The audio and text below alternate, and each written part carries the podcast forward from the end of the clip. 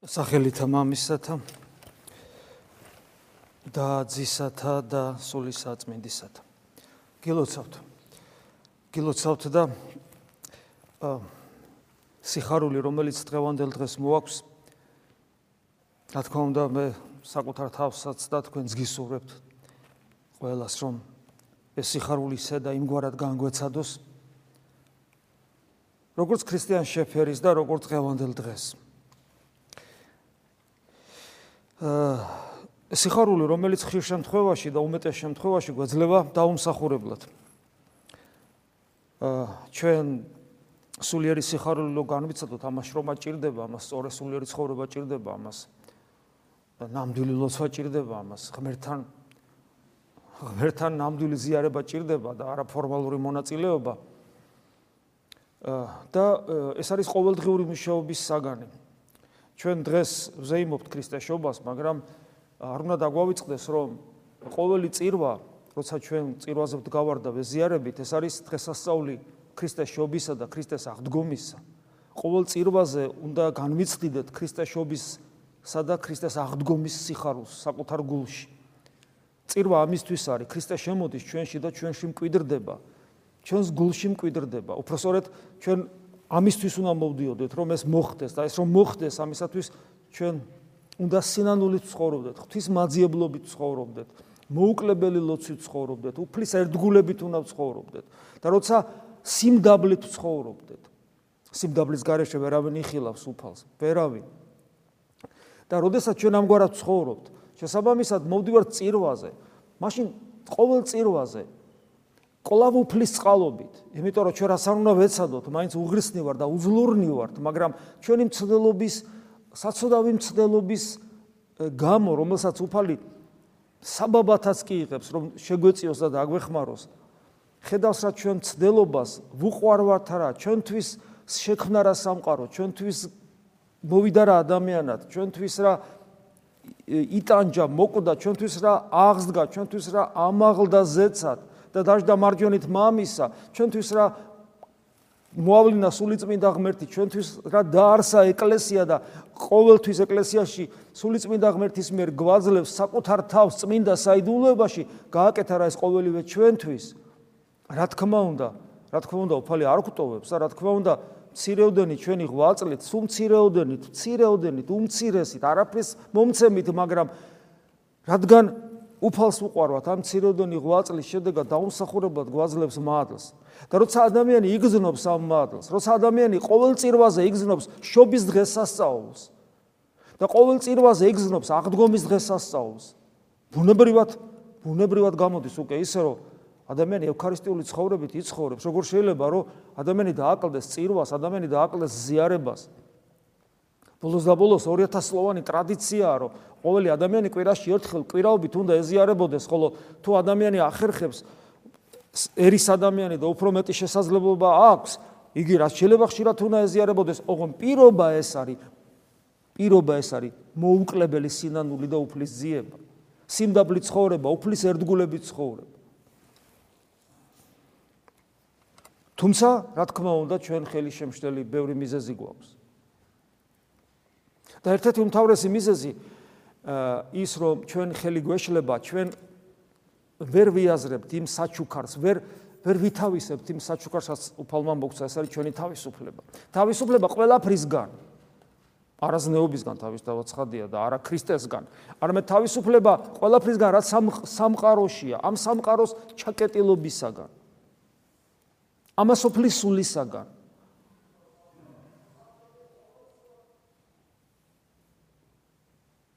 შემთხვევითი არ არის რომ აი დღევანდელ დღეს რომელი სახარება იკითხება ხო გახსოვთ შეხო წავიკითხეთ როგორ მიდიან მოგვები და თაყვანს ცემენ ვინ არიან მოგვები?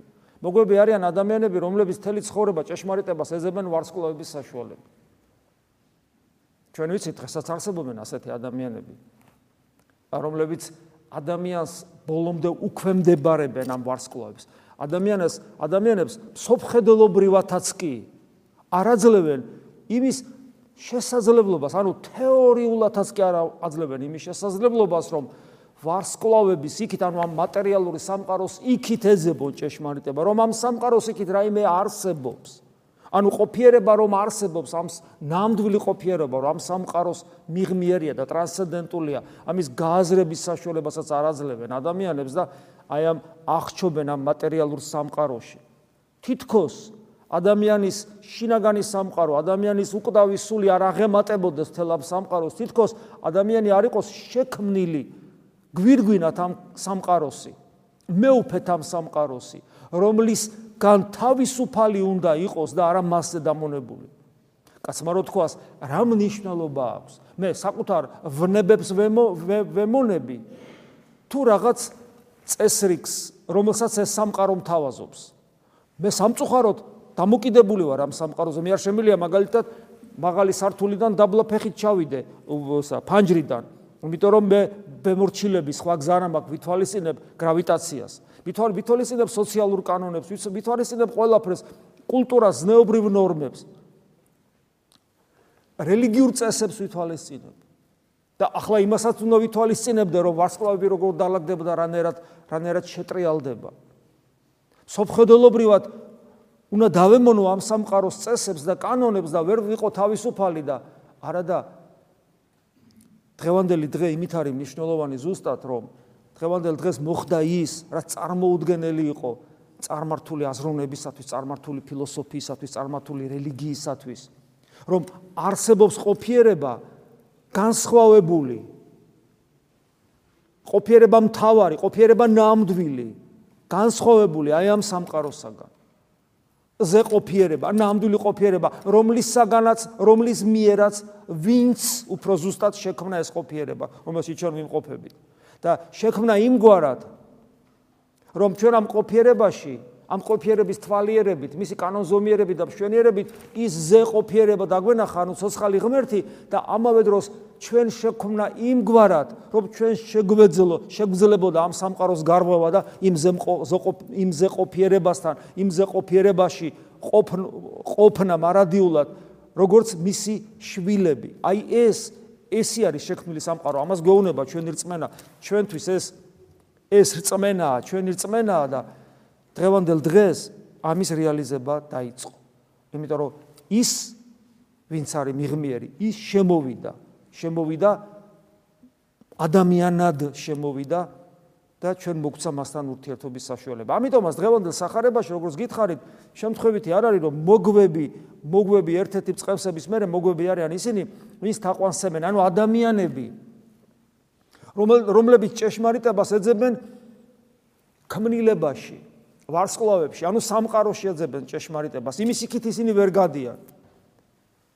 და აი მათი მათი, ანუ ადამიანების, რომლებიც ჭეშმარიტებას სამყაროში ეძებენ, მათი მათ მიერ ქრისტეს თაყვანისცემა ნიშნავს იმას, რომ მოგვებთან ერთად თუ მოვიაზრებთ საკუთარ თავს ადამიანებს, რომლებიც ჩაკეტილი ვართ აი ამ სამყაროს სივრცეში, მათთან ერთად, ანუ ჩვენც ამ გაგებით, ამ გაგებით დამონებულნი სამყაროს სტიქიებს, მათთან ერთად მივიახლებით განკაცებულ ღმერთს და მოგვებთან ერთად თავისუფლდებით ამ სამყაროს სტიქიებისაგან.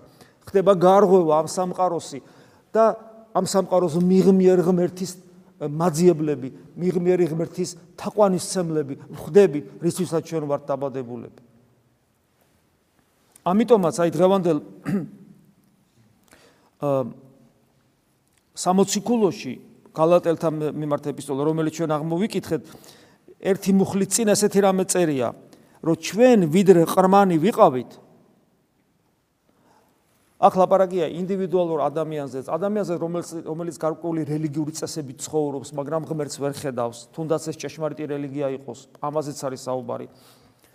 საუბარია მთელ ერებზე, კაცობრიობაზე თლიანად. ვიდრე ყრმანი ვიყავით, ა დამონებულნი ვყავდით სამყაროს ელემენტარულ სულებს. ან წესთა მათ ქვეშა ამას სოფლისათა.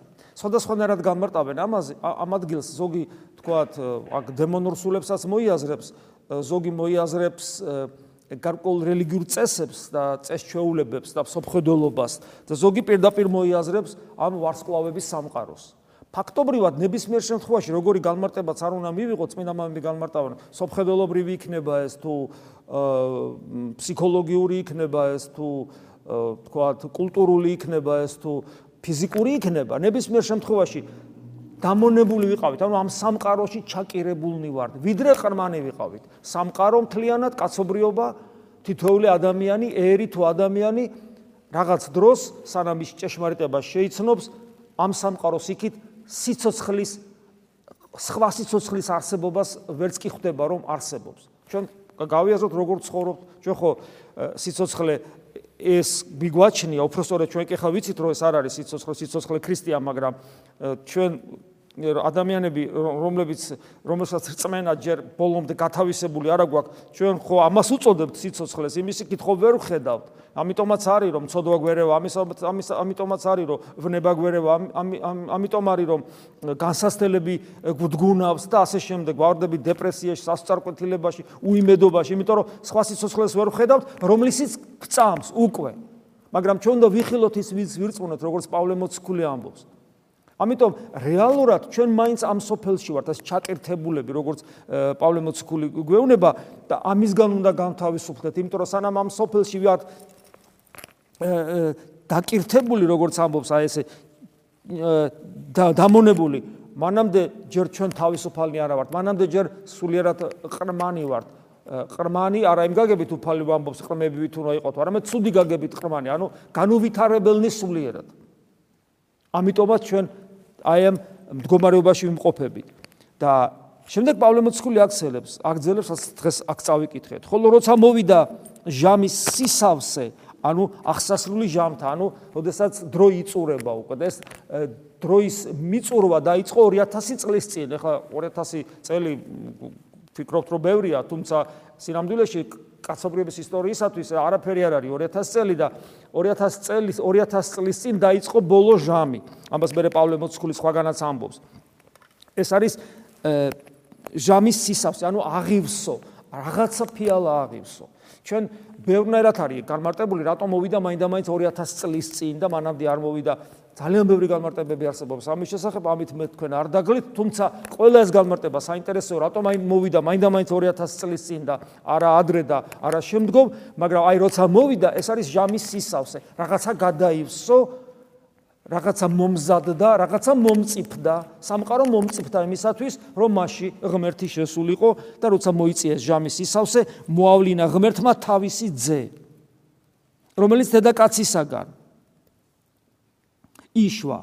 დედაკაცისაგან იშვა და ნახეთ როგორ მოავლინა რომელიც თავისი ძე რომელიც დედაკაცისაგან იშვა. ისე მოავლინა რომ იგი დაემორჩილა ჯულს ანუ გარე სამყაროს სოციალურ რელიგიურ კულტურულ პოლიტიკურ წესებს დაემორჩილა. ანუ მოვიდა არა როგორც იმპერატორი, რომელიც განაგებს თელ სამყაროს, არამედ მოვიდა არსებულ სამყაროში არსებულ წესებს დამორჩილებული. ეს არის სწორედ აი სიმდაბლის, ღვთაებრივი სიმდაბლის გამოვლინება, განსაცვიფრებელი. გასაგებია რომ ადამიანად მოვიდა, ეს უკვე სიმდაბლეა. მაგრამ ხო შეიძლება მოსულიყო ისე რომ სამყაროს ყოფითი კულტურულ, პოლიტიკური, სოციალური წესები შეეცვალა, არა, მოვიდა და დაემორჩილა. არაფერი არ შეუცვლია პირდაპირ დაემორჩილა. რატომ? იმიტომ და აგზელებს, რომ რჯულის ქვეშ მყოფთა გამოსასყიდად. ანუ ჩვენთვის, იმიტომ კი არ მოვიდა, რომ თავისთავი ეჩვენებინა ჩვენთვის რა მაგარი ვარ. არამედ მე რა მდგომარეობაში ვიმყოფებოდი, იმ მდგომარეობაში მოვიდა და ჩემს გვერდზე დადგა. მე ძმა მიწოდა, მოწაფე მიწოდა, მეგობარი მიწოდა და თან მიმანიშნა რომ შეიძლება შვილიც გავხდე. და აი ესე აგზელებს რომ გამომიხსნა საქედან აი ეს ჯულიდან აი ამ ჯულში იგულისხმება ყველაფერი აბსოლუტურად აი ეს რითაც რის გარეშეც სამყარო არ არსებობს. დაწყებული მატერიალური კანონებიდან დამთავრებული რელიგიური კანონებით. აი ამ ამ ყველაფრის მონობაში ვარ. მე რატომ? იმიტომ რომ მე უარი ვთქვი თავის დროზე უარი ვთქვი ღმერთობაზე შინაგან თავისუფლებასა და განვითარებაზე გავიწვდინე ხელი და გადავწყვიტო რომ გარეგანი სამყაროს გარეგან სამყაროსთან ორგანული კავშირით კავშირით მე მე გავხდებოდი ღმერთი მაგრამ სინამდვილეში რა მოხდა? გარეგანი სამყაროსთან ორგანული კავშირით მე დავემონი ამ გარეგან სამყაროს და ის მე რისი მეუფეც უნდა ყოფილიყავი, იმის მონა გავხდი. და ეს უკვე ჩემ მდგომარეობად იქს, ამიტომ მე ყველაფერი გარეგანს ვემორჩილები. ბუნებრივი არა მაქვს თავისუფლება და მიჭირს, მიჭირს ღმერთის ძიება, რომელიც აბსოლუტურად თავისუფალია. და აი მოდის ჩემს გვერდზე დგება და მაძლევს შვილობის შესაძლებლობას. მაძლევს შვილობის შესაძლებლობას პირდაპირ აი რათა შვილობა მივიღოთ. და გახსოვთ რომ პირველი რაც უფალმა ასწავლა როცა როგორ როგორი ურთიერთობა უნდა გქონდეს ღმერთთან მამაო მამაო ჩვენო მამაო ჩვენო სწავლება. ეს ნიშნავს რომ რაღაც განსაკუთრებული რაღაცა ხდება ადამიანში. შვილი თავისუფალია მონა თავისუფალი არ არის. ჩვენ შვილობას გვთავაზობს ესე იგი თავისუფლებას გვთავაზობს. ძალიან ძალიან ხმამაღალი სიტყვებია ეს. ძალიან ხმამაღალი სიტყვებია იმიტომ რომ ეს სიტყვები მე უნდა რეალიზდეს პრაქტიკაში და პრაქტიკაში ამის რეალიზება რას ნიშნავს? მე რომ აქედან გავდივარ ახლა აქ იოლია, იმიტომ რომ ღვთის მადლი მოქმედებს ჩვენზე, დაგვაყენებს აქ და რაღაც ჩვენში საოცრება ხდება. მე გეტყვით, რომ წირვა არის საერთოდ აი ის ხვა სიцоცხლე, ყველაზე მეტად განიცდება წირვის დროს. მაგრამ აქედან რომ გავდივართ, ამას ოფლის წყეობაში აღმოჩნდებით ხოლმე ისე და მე ჩვენ თუ გონივრულობა ყოფნის. თუ ჩვენ ვფიქრობთ, რომ აქ იმიტომ კი არა ვართ, რომ ხოლოთ აქ ვიყოთ ქრისტიანები, ხოლოთ აქ ვიყოთ ღვთისმშობლები, არამედ თუ ჩვენ ვფიქრობ და ვიაზრებთ, რომ აქ რომ ვართ ქრისტიანები, იმიტომ ვართ რომ მე გარეთ რომ გავდივართ, იქაც ესეთები ვიყოთ, ანუ იქაც ღვთისშვილები, ანუ იქაც თავისუფალნი ვიყოთ. მაშინ ბუნებრივია რომ ჩვენ ეს განწყობა, რომელიც აქ გვაქვს, გვინდა რომ იქაც შევინარჩუნოთ, მაგრამ არ გამოდის. მე ღმერთის ძიებას ვიწყებთ და არ გამოდის. მე ამისათვის მოვიცლი სპეციალურად მოგბავდებით საკუთარ თავს, გონისმიერ ლოცვასაც სწავლობთ, მაგრამ არ გამოდის. მე მინდა რომ კაი არ გამოდის არ გამოდის გონისმიერი ლოცვა ვისწავლო რომ ღმერთს მივწუდე ჩემში. მაგრამ მე ავდგები და ადამიანებს ადამიანთან ადამიანებთან ურთიერთობაში მაინც ვერდგულო ქრისტეს არ გამოდის. მე ეგება ჩემი ვნებები დავამარცხო არ გამოდის. ეგება განსასწრელი რომ მოვა ღირსეულად შეხვდე არ გამოდის არაფერი არ გამომდის. აი როცა ვხედავ რომ არაფერი არ გამომდის ბუნებრივია რომ ეს მე ჩამაფიქრებს და ხდები და თან დრო იწურება. გადის 1 წელი, 2 წელი, 5 წელი, 10 წელი, 15, 20, 25, 30, 35. გავიდა ცხოვრება. ვერდები მალე უნდა გარდავიცვალო. არ გამოდის. მაგრამ რომ არსებობს, ვგძნობ, იმიტომ რომ ყოველ წირვაზე ვგძნობ. ხანდახან მაგ გამონათება ლოცვის დროს. რა გავაკეთო იმისათვის რომ სულ გამოსული იყოს ეს? სულ რეალიზებული იყოს შვილობა. იმიტომ რომ ისე დროს არ მომიწიოს გარდაცვალება, როცა ეს რეალიზებული არ არის. მე რა ვქნა? უფლის სიტყვები მახსენდება წმინდა ტელეში, როგორც გიპოვი, ეგრე განგჟი. კაი და იმ დროს გარდავიცვალო, როცა ჩემში შვილობა კი არ არის რეალიზებულა, რეალიზებულობა, არამედ ეშმაკს უფრო გავარ, ჩემი ვნებებით, მიდრეკილებებით, უსიყვარულობით. მაშინ რომ მოვკვდე რამაშველება. რა არ ხდება ესე? და აი პავლე მოციქული ნახე, ესე იგი შვილობა უნდა მიგვეღო, იმიტომ მოვიდა ჩვენთან და მე რე უცებ, უცებ პირდაპირ მეუნება და რა კი თქვენ შვილები ხართ? ნახეთ რამ ხელა პასუხისგებლობა. ხო, შვილები უნდა, ა, შვილობა უნდა მიმეღო, ესე იგი საშრომი მაქვს და უცებ მეუნება. და რა კი თეოდორე შენ შვილი ხარ? მე შვილი ვარ უკვე? დიახ, უკვე შვილი ვარ, უკვე შვილები ვარ, უკვე. ჩვენ ეს გვინდა არ გვინდა, მოგწონს არ არ მოგწონს. კი ბატონო, უძღები, კი ბატონო, ღორები საჭმელი გვენატრება, მაგრამ შვილები ვართ. შვილის პასუხისმგებლობები გვაქვს. საკუთარი თავის წინაშე, მოყვასის წინაშე, არაქრისტიანულად მაცხოვრებელი ჩვენი ძმების და დების წინაშე და რა თქმა უნდა ღვთის წინაშე, შვილები ვარ. და რადგან თქვენ შვილები ხართ, ღმერთმა მოავლინა თქვენს გულებში თქვენი ძის სული. ანუ სული წმინდა ღმერთი, რომელიც შეზახის ღმერთს აბა, მამაო. მე მინდა ძულ ქართულათაც წაიკითხოთ ლამაზად ჟღერს. და რამე თუ ხართ შვილნი გამოავლინა ღმერთმა სული ძისათვის ისა გულთაშინა ჩვენთა რომელთაც ვღაღადებთ. აბა მამაო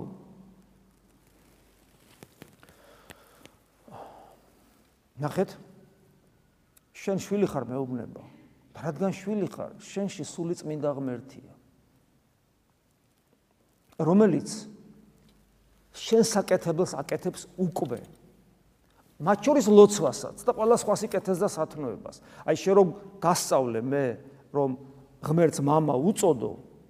აი შენ საკეთებელს უკვე მესამე ჰიპოსტასი, მესამე პირი, რომელიც ეკლესიაში მოვიდა და ეკლესია იმ დღიდან დაარსა, მოციქულებზე გარდამოდა და ეკლესია იმ დღიდან დაარსა, სული სიმდაბლისა, რომელიც გვასწავლის, სიმდაბლეს, რომ ქრისტე შევიცნოთ, ის სული მე უკვე მასწავლის, მამაო, მამაო, აბა მამაოს ნიშნავს. თავისთავად ორჯერ მამაო, მამაო და მე ვგზნობ ამას და შენ თუ გზნობ ამას და არ უნდა იგზნო? ანუ ეს რაც ხდება, ჩვენი საკუთრება უნდა იყოს თუ არ უნდა იყოს? უნდა ვიგზნო თუ არ უნდა ვიგზნო? უნდა განვიცადო თუ არ უნდა განვიცადო? ღმერთს უნდა ვგზნობდე თუ არ უნდა ვგზნობდე? შესაბამისად, ჩემში რო სული წმინდა მოქმედებს, უნდა ვიც განვიცდი, უბრალოდ ამას უნდა შეხებითად ვგზნობდე თუ არ უნდა ვგზნობდე? და შეიძლება რომ ჩემში ღმერთი იყოს და მე არ ვგზნობდე. ერთ ერთ შემთხვევაში შეიძლება, თუ მე ესეთი გულქვა ვარ და ისეთი ისეთი ამპარტავანი და ამაყი და ბუნებით ცხოველობისკენ მიდრეკილი, რომ ლამის ცხოველად და ეშმაკად ქცეული ვარ და ვერ გძნობ. ახლა ეშმაკი გძნობს კი არა, ეშმაკს ეზიზღება ღმერთი და ცხოველი ვერ გძნობს. თუ არ მეზიზღება, უკვე კარგია, ესე იგი ეშმაკი არა ვარ. მაგრამ თუ ვერ გძნობ, ცხოველი ვარ. გესმით, ჩვენში რამდენი სამუშაო გვაქვს, რომ ჩვენში ეს იმედია რომ არ გუძულს, იმედია რომ არ გძულს მაგრამ თუ ვერ გძნობთ ესეც არ არის შეღავათი რამდენი სამუშაო გვაქვს რომ ჩვენში ცხოველი დაიდრგუნოს და ღვთის ხატმა და მსგავსებამ აღორძინება დაიწყოს რომ ის რომ შვილი ვარ უკვე ეს შვილობა ჩემში ჩემს მიერვე განცდადი იყოს გონისმიერი ლოცვის უმთავრესი დანიშნულება სწორედ ეს არის ზებოდადებო რომ ჩვენს შიგნით არსებულ საფრთხო მადლს და ენერგიას ჩვენი ხმა მივაწვინოთ, როცა ჩვენ მას მოუწოდებთ იესო, იესო, იესო, შემიწყალე იესო, იესო, მოუკლებლი, მოუკლებლი. ამის დანიშნულება ეს არის ისიქასტური პრაქტიკა სიბნელეში როზის ადამიანი და რას ნიშნავს სიბნელეში ძნობა, რომ აი ეს სამყარო რომლის მონობისაგანაც უნდა გამანთავისუფლოს მე როგორც მოგვები გაანთავისუფლა აი ვარცხლებზე დამოკიდებულობისაგან აი ესე რომ უნდა გამანთავისუფლოს ამ სამყაროს რომ ვაქრობ სივცე რო არ ჩანდეს და ვიმყოფები ჩემი გულის გულის გულში და კიდევ უფრო სიღმეში ერწეტიში და მოუხმობ მოუხმობ ეს იმიტომ ხდება რომ ეს იმიტომ კი არ ხდება რომ მე ისეთი კონცენტრირება შემილია და ისეთი სიმდაბლე მაქვს რომ ეხლა მე რომ სიმდაბლით მოუხმობ უფლის უფალს ჩემი გულის კარები გაიხსნება. არა სამწუხაროდ არც სიმდაბლე მაქვს ისეთი რაც ქრისტესთან ერთობას ჭირდება და არც ისეთი კონცენტრირება ანუ გონების მართვა შემილია. უბრალოდ ვიშრომ მაინც რომ ამ შრომის გამო უფალმა შემიწყალოს და თქვას რომ ეს აწყალი თეოდორე არც არც სიმდაბლე აქვს ამას არც გონების მოხმობა შეუულია საერთოდ ზარმაცია და წოდვილია მაგრამ რამდენს წვალობს? ხო ჩვენი შვილია მოდი შევიწყალოთ ყოვლადწმიდა სამებამ თქვას. აი ეგ არის ამიტომ ჩვენ საშრომი გვაქვს და უნდა ვიშრომოთ. უნდა ვიშრომოთ. და პავლე მოციქულის ეს სიტყვები კიდევ საოცრება. ამიერიდან არ ღარა ხართ მონა. არამედ შვილი.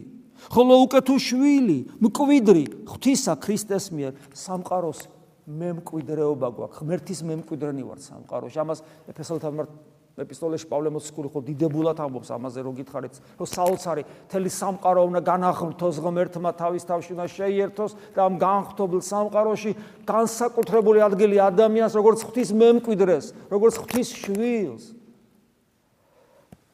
ქრისტეს შობის დღესასწაული ჩვენი დღესასწაულია სინამდვილეში ჩვენი დღესასწაულია, ჩვენი განხრთობის, ჩვენი ჩვენი ღმერთად ყოფნის, ჩვენ სამ ჩვენ სამყარ განხრთობილ სამყაროში ღვთის მკვიდრად მყოფობის დღესასწაულია. ჩვენი თავისუფლების ზეიმია ქრისტეშობის დღესასწაული. ბუნებრივია რომ ეს სიხარულის დღესასწაულია და უნდა გვიხაროდეს. უბრალოდ მე მინდა იმის თქმა რომ ეს სიხარული არ იყოს უბრალოდ სტიქიური, ინტუიციური, არამედ არც უბრალოდ მენტალურად გააზრებული, განცდადი იყოს ეს. ოღონ ისეთი განცდადი კი არა, რომ პირველსავე სუფრაზე რომ დამთავრდება. რამდენს დაუმთავრებია 40 დღიანი ღვაწლი პირველსავე სუფრაზე სიმთვრალი. არამედ ეს იყოს ის ის ის მდგომარეობა, რომ არ დამთავრდეს. აი ხო შეიძლება რომ არ დამთავრდეს, დაიწყოს და არ დამთავრდეს. და ამას ჭირდება მოწამეობრივი შეუპოვრობა. რომ აი აი ხო აი აქ აი აქ ვცდილობ რომ ყავდეს დღეს აი აქ წირვაზე რომ გავალ შევინარჩუნო შევინარჩუნო ბოლომდე ვიომო არ გაუშვა არ გაუშვა ჩემი გულიდან იესო ქრისტე. და თქვენ გონიათ წავა არსად არ წავა თუ ჩვენ ამას მოვინდომებთ იტყო იმიტომ რომ უფალზე მორჩილი და უფალზე მდაბალი სამყაროში არაფერია. ამიტომ არის რომ უფალი სიყვარული და ამიტომ არის რომ ჩვენ სიყვარული არ შეგვიძლია იმიტომ რომ არც მორჩილება გვაქვს და არც სიმდაბლე არ აქვს არ შეიძლება ადამიანს სიმდაბლე არ ქონდეს და მას უყვარდეს შეუძლებელია. და სიყვარული და სიმდაბლე სინონიმებია ამიტომ თუ ჩვენ გვინდა რომ დღეს გავიხაროთ ეს არა მარტო არა მარტო იმ სიხარულით რომელსაც უფალი უშუალოდ უშუალოდ გვაძლევს არამედ ამ სიხარულის თანამუშაკნი ვიყოთ. ჩვენ ჭირდება მოწამეობრივი შეუპოვრობა. ბრძოლა რომელიც აუცილებლად სიხარულით აღავსებს იმ სიხარულით აღვავსებს რომელიც იქნება უკვე თანამშრომლობა როგორც პავლე მოციქული ამბობს ქრისტესთან და ეს სიხარული რომელიც აქ გვაქვს არ დასრულდება. და ყოველი წირვა მართლაც იქნება აღდგომის და შობის დღესასწაული. მოგმადლე უფალო. ამინ. მადლე უფლისა ჩვენისა იესო ქრისტეს. და სიყვარული ღვთისა და მამისა და ზიარება სული საწმინდისა იყოს თქვენ ყოველთა თანა. ამინ გილოცავთ